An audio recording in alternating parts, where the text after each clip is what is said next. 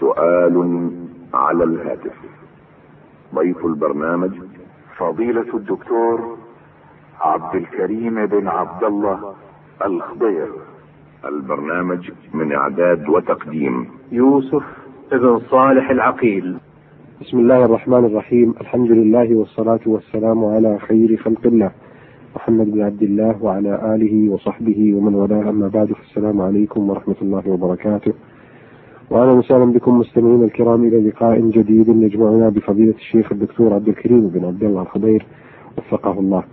فمرحبا بكم فضيلة الشيخ في مطلع هذا اللقاء وأهلا وسهلا حياكم الله وبارك فيكم وفي الأخوة المستمعين وبكم حفظكم الله ناخذ هذا الاتصال نعم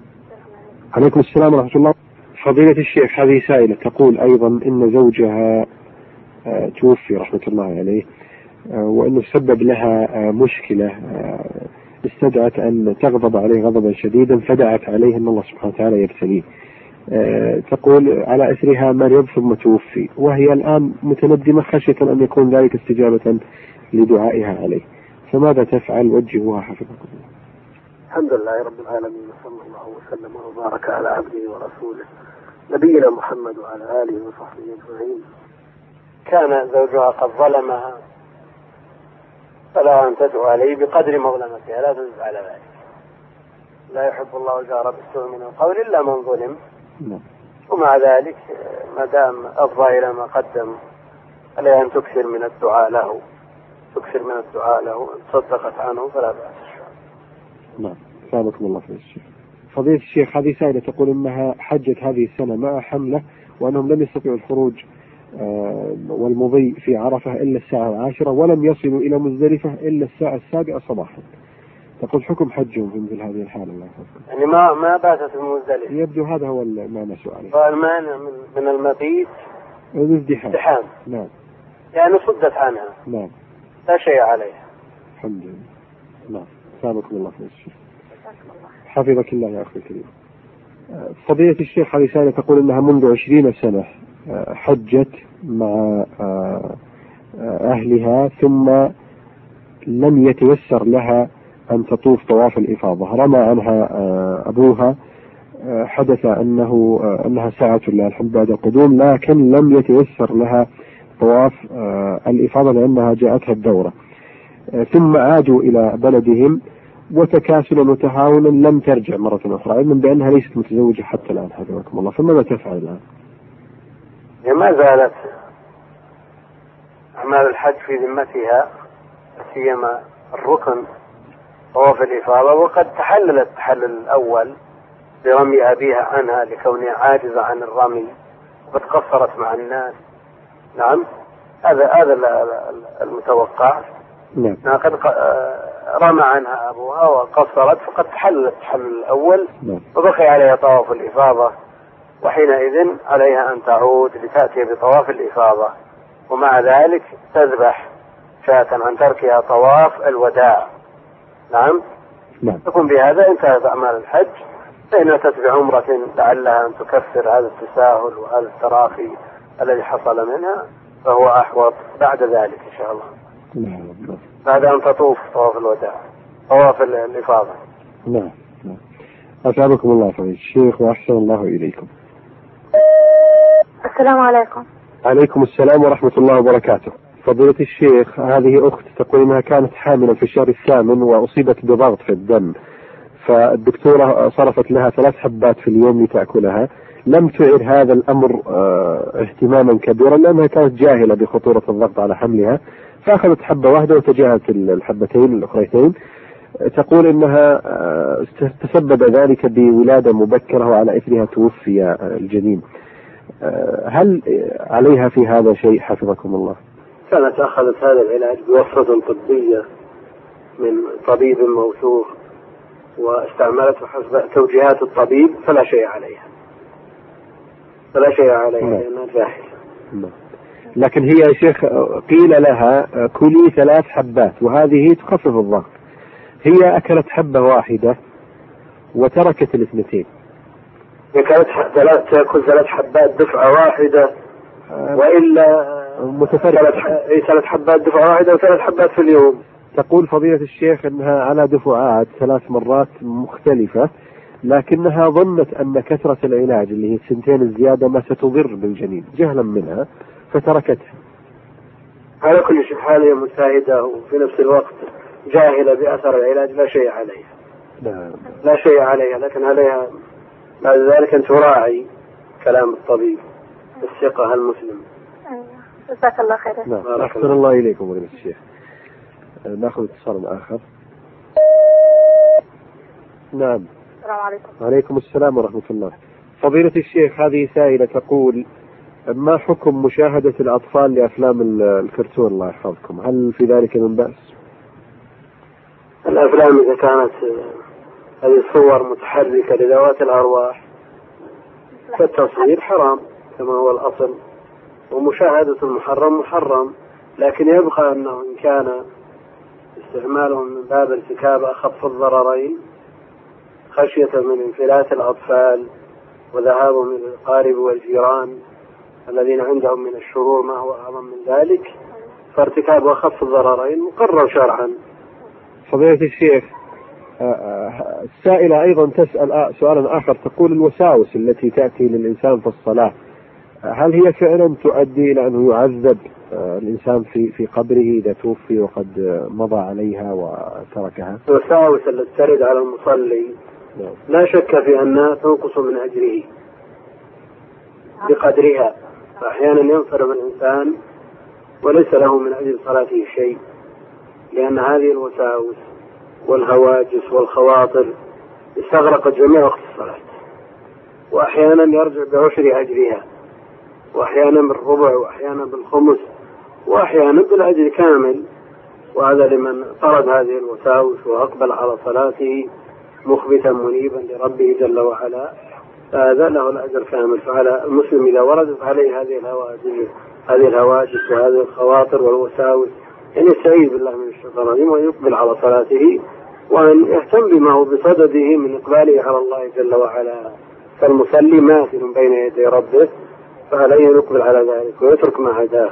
فضيلة الشيخ أيضا سؤال الوقت الثالث تقول هل المرأة إذا أسقطت الجنين وعمره شهران وأسبوع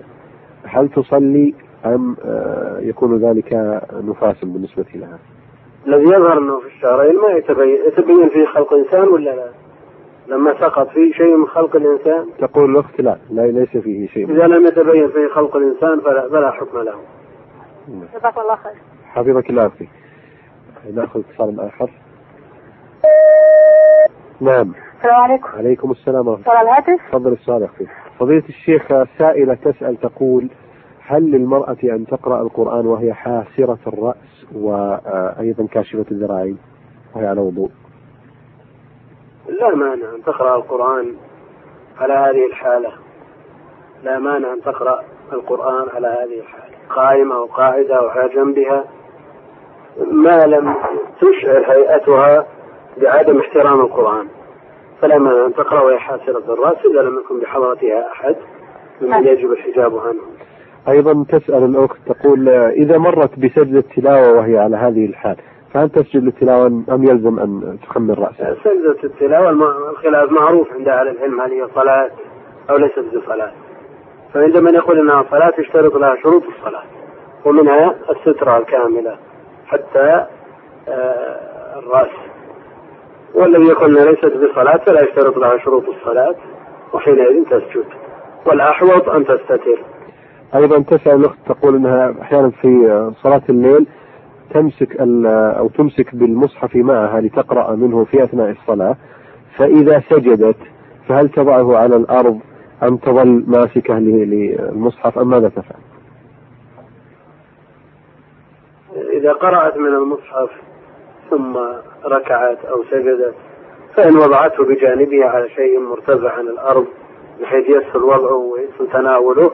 فهو أكمل وأفضل أيوة. وإن أمسكت به وتمكنت من الركوع الكامل والسجود الكامل على الأعضاء السبعة فلا بأس والنبي عليه الصلاة والسلام كان يصلي وهو حامل أمامة بنت زينب ابنته فإذا سجد وضعها وإذا قام حملها عليه الصلاة والسلام طيب. جزاك الله خير حفظك الله يا أختي الكريمة السلام ايضا نعم السلام عليكم وعليكم السلام ورحمه الله الله يمسيك بالخير ويمسيك بخير منه تفضل سؤالك الله يحفظك سؤالي طال عمرك ال- الروايات في اخر الحديث مثل كلمه اخرجاه او اخرجه و- وذكره تعليقا ايش معنى هذه الكلمات جزاك الله خير؟ أخرجاه أصحاب المختصرات يقولون أخرجاه يعني البخاري ومسلم هذا أخرج هذا الحديث ايه و- وتعليقا يعني مع حذف إسناده ايه إذ المعلق ما حذف من مبادئ إسناده إيه. راو أو أكثر ولو حذف جميع الإسناد طيب وش معنى اخرجه؟ أخرجاه يعني في صحيحيهما أخرجه البخاري يعني أورده ذكره في صحيحه أخرجه أيضا مسلم في صحيحه إيه يعني ذكره في صحيح بدون سند ما يلزم أخرجاه قد يكون بإسناد إيه. وقد يكون بلا إسناد فإذا قال أخرجاه معلقا فهو بدون إسناد أو بسند غير متصل ايه لكن إذا إذا قال أخرجاه فقد روياه ايه أو متفق عليه قد يقال مثل هذا المتفق عليه معروف بس كلمه اخرجه أخرجاه يعني في الصحيحين يعني روياه رواياه في في الصحيحين صحيحين احسنت بارك الله التعليق ايه حذف راو واحد أو أكثر من راو من مبادئ السند ايه فالبخاري ما يذكر شيخه يذكر شيخ شيخه إلى آخر الإسناد وقد يحذف الشيخ وشيخ الشيخ ثم يذكر من بعدهم وقد يقتصر على الصحابي فقط وقد يحذف حتى الصحابي يذكر ال- الحديث بلا إسناد لا اله الا الله المهم كلمه أ- على ذكره تعليقا صحيح ذكره تعليقا ما يلزم أن يكون صحيح أيضا امم لأنه إذا حذف الإسناد نعم نعم إذا حذف البخاري الإسناد وهذا أكثر ما يوجد في البخاري ايه دائما نتكلم بشيء من التفصيل في هذه المسألة ايه نعم في صحيح مسلم 14 حديث معلق إيه. 14 حديثا معلقا كلها مروية م- مسندة في الصحيح متصلة إلا واحد هذا هو متصل في صحيح البخاري إذا ما هي دعوة بحث معلقات صحيح مسلم اسمها هي ايه إيه. معلقات صحيح البخاري 1340 ايه كلها موصولة في الصحيح إلا 160 حديث فقط إيه. هل 160 هي التي يقال أخرجه البخاري تعليقا هذه ال 160 منها ما هو صحيح ايه ومنها ما هو حسن ومنها ما هو ضعيف لكن الضعيف في الغالب ينبه عليه البخاري ينبه. يقول مم. قال أبو هريرة لا يتطوع الإمام في مكانه ولم يصح ينبه على الضعيف رحمه الله ولم يصح اي نعم ذكرت لنا مسألة جزاك الله خير وهي تطوع الإمام في في المحراب مثلا ما آه، فيها شيء لأن هذا لم يصح يعني هذا جائز جائز ما في شيء جائز ما في شيء لكن لو غير المكان مم. لئلا يظن انه يصلي الفريضه او لك- ليكسر مواضع السجود لا. نعم هو جلس طال عمرك بعد الفجر في المحراب حتى طلعت الشمس وارتفعت وصلى في نفس المكان ما في اشكال ان شاء الله إيه. بعدين الشخص اللي بيجلس في المسجد وبيتدلل في مكانه آه، الحديث الآخر اللي يقول إن من انتظر وصلى في في مكانه يعني آه، يلزم المكان اللي جلس فيه ولا يقصد المسجد هو ال- الاحوط ان لا يقوم من المكان الذي صلى فيه لكن ان قام لسبب صحيح إيه. مثلا المكان الذي الذي صلى فيه ما في ما يعتمد إيه. عليه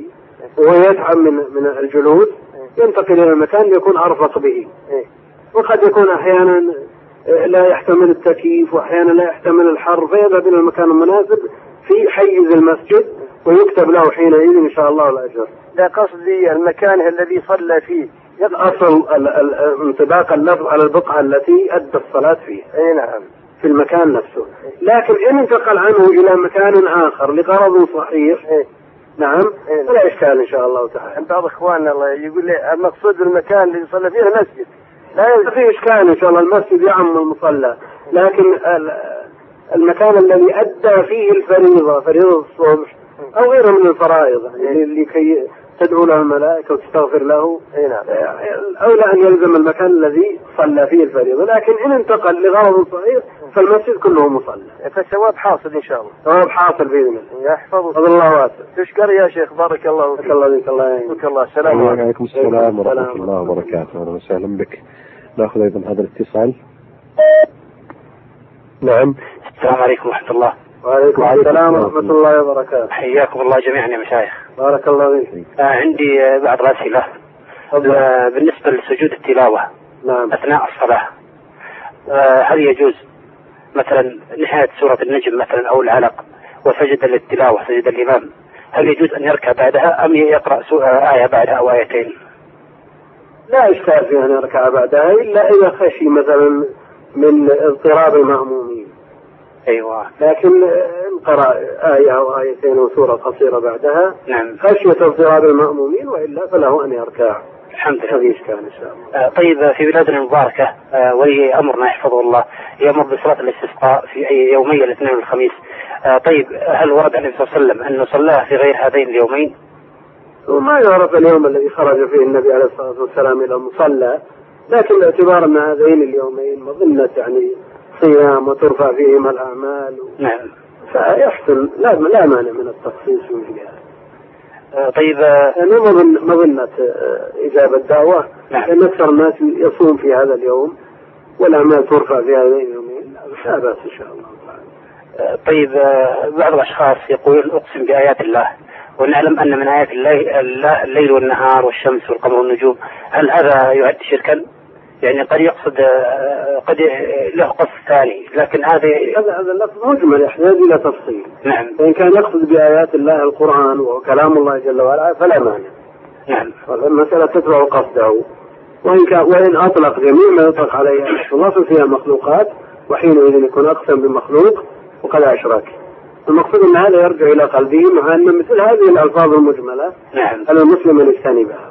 ما دام يدخلها الاحتمال تجتنب الله يجزاك خير. عندي اخر سؤال آه، اخوي عنده ضعاف احيانا يكون كثير واحيانا يكون قليل فاحيانا يجيه في آه، في الصلاه هل ينقض الوضوء اذا كان كثير او قليل والله أكثر أهل العلم على أن الخارج الفاحش النجس من الجسد هذا ينقض الوضوء ومنه الدم سواء كان كثير او قليل لا القليل لا الصحابة ثبت عنهم أنه يخرج منهم الدم اليسير منهم من يحرك أنفه ومنهم من يعصر البصرة والحبة فيخرج من الشيء اليسير ولا يت- ولا يقطعون صلاته نعم الله يجزاكم اجر بارك الله فيك جزاكم الله خير حياك الله يا اخي الكريم واهلا وسهلا بك ناخذ اتصال اخر نعم السلام عليكم عليكم السلام وعليكم ورحمة السلام ورحمة الله الحال يا شيخ بارك الله فيك بخير نحمد الله آه، بغيت اسال يا شيخ آه، انا علي دين حلفت على واحد يعني إيه، والله اني يشتري لك يعني عشاء يعني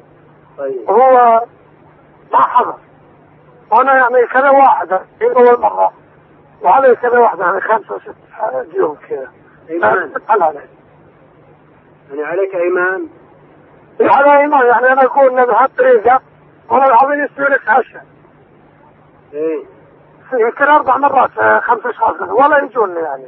ولا يجون من خاصك إكرامهم اي نعم وهم الذين يتخلفوا هم تخلهم ما رجعا عليك شيء بس انا ما سويت العشاء يعني لكن أنت ما عند قصدك إكرامهم اي حلفت اني يعني هم هم رفضوا هذا الإكرام إيه، بعضهم رفض بعضهم قال آه، بجيك بعدين والعد يعني المقصود أنك آه، إذا كان قصدك إكرامهم لا شيء عليه ايه بكر رضي الله عنه حلف على الإكرام ما ألزمه النبي عليه الصلاة والسلام بشيء طيب يا شيخ آه، في شيء ثاني نعم يعني الحين في بعض الكتابات الاسلاميه فيها المصحف المصحف القران فهذا حرام يعني في واحد يقول لي بيع حرام المصحف بيع المصحف من أهل العلم رأى أن- من رأى أنه لا يجوز بيعه لأنه امتهان وتشجيع له بالسلع لكن الذي يظهر عليه الأكثر أنه لا مانع من بيعه ما في رأوا عند الحاجة لا بأس بهم عند الجميع آه، جزاك الله خير يا شيخ بارك الله فيك مع السلامه الله حياك الله اهلا وسهلا بك بهذه الإجابة مستمعينا الكرام نصل إلى ختام هذه الحلقة نتقدم في ختامها بالشكر الجزيل لفضيلة الشيخ الدكتور عبد الكريم بن عبد الله الخضير الذي أجاب على استفساراتكم الهاتفية مستمعينا الكرام نلقاكم بإذن الله تعالى وأنتم بخير والسلام عليكم ورحمة الله وبركاته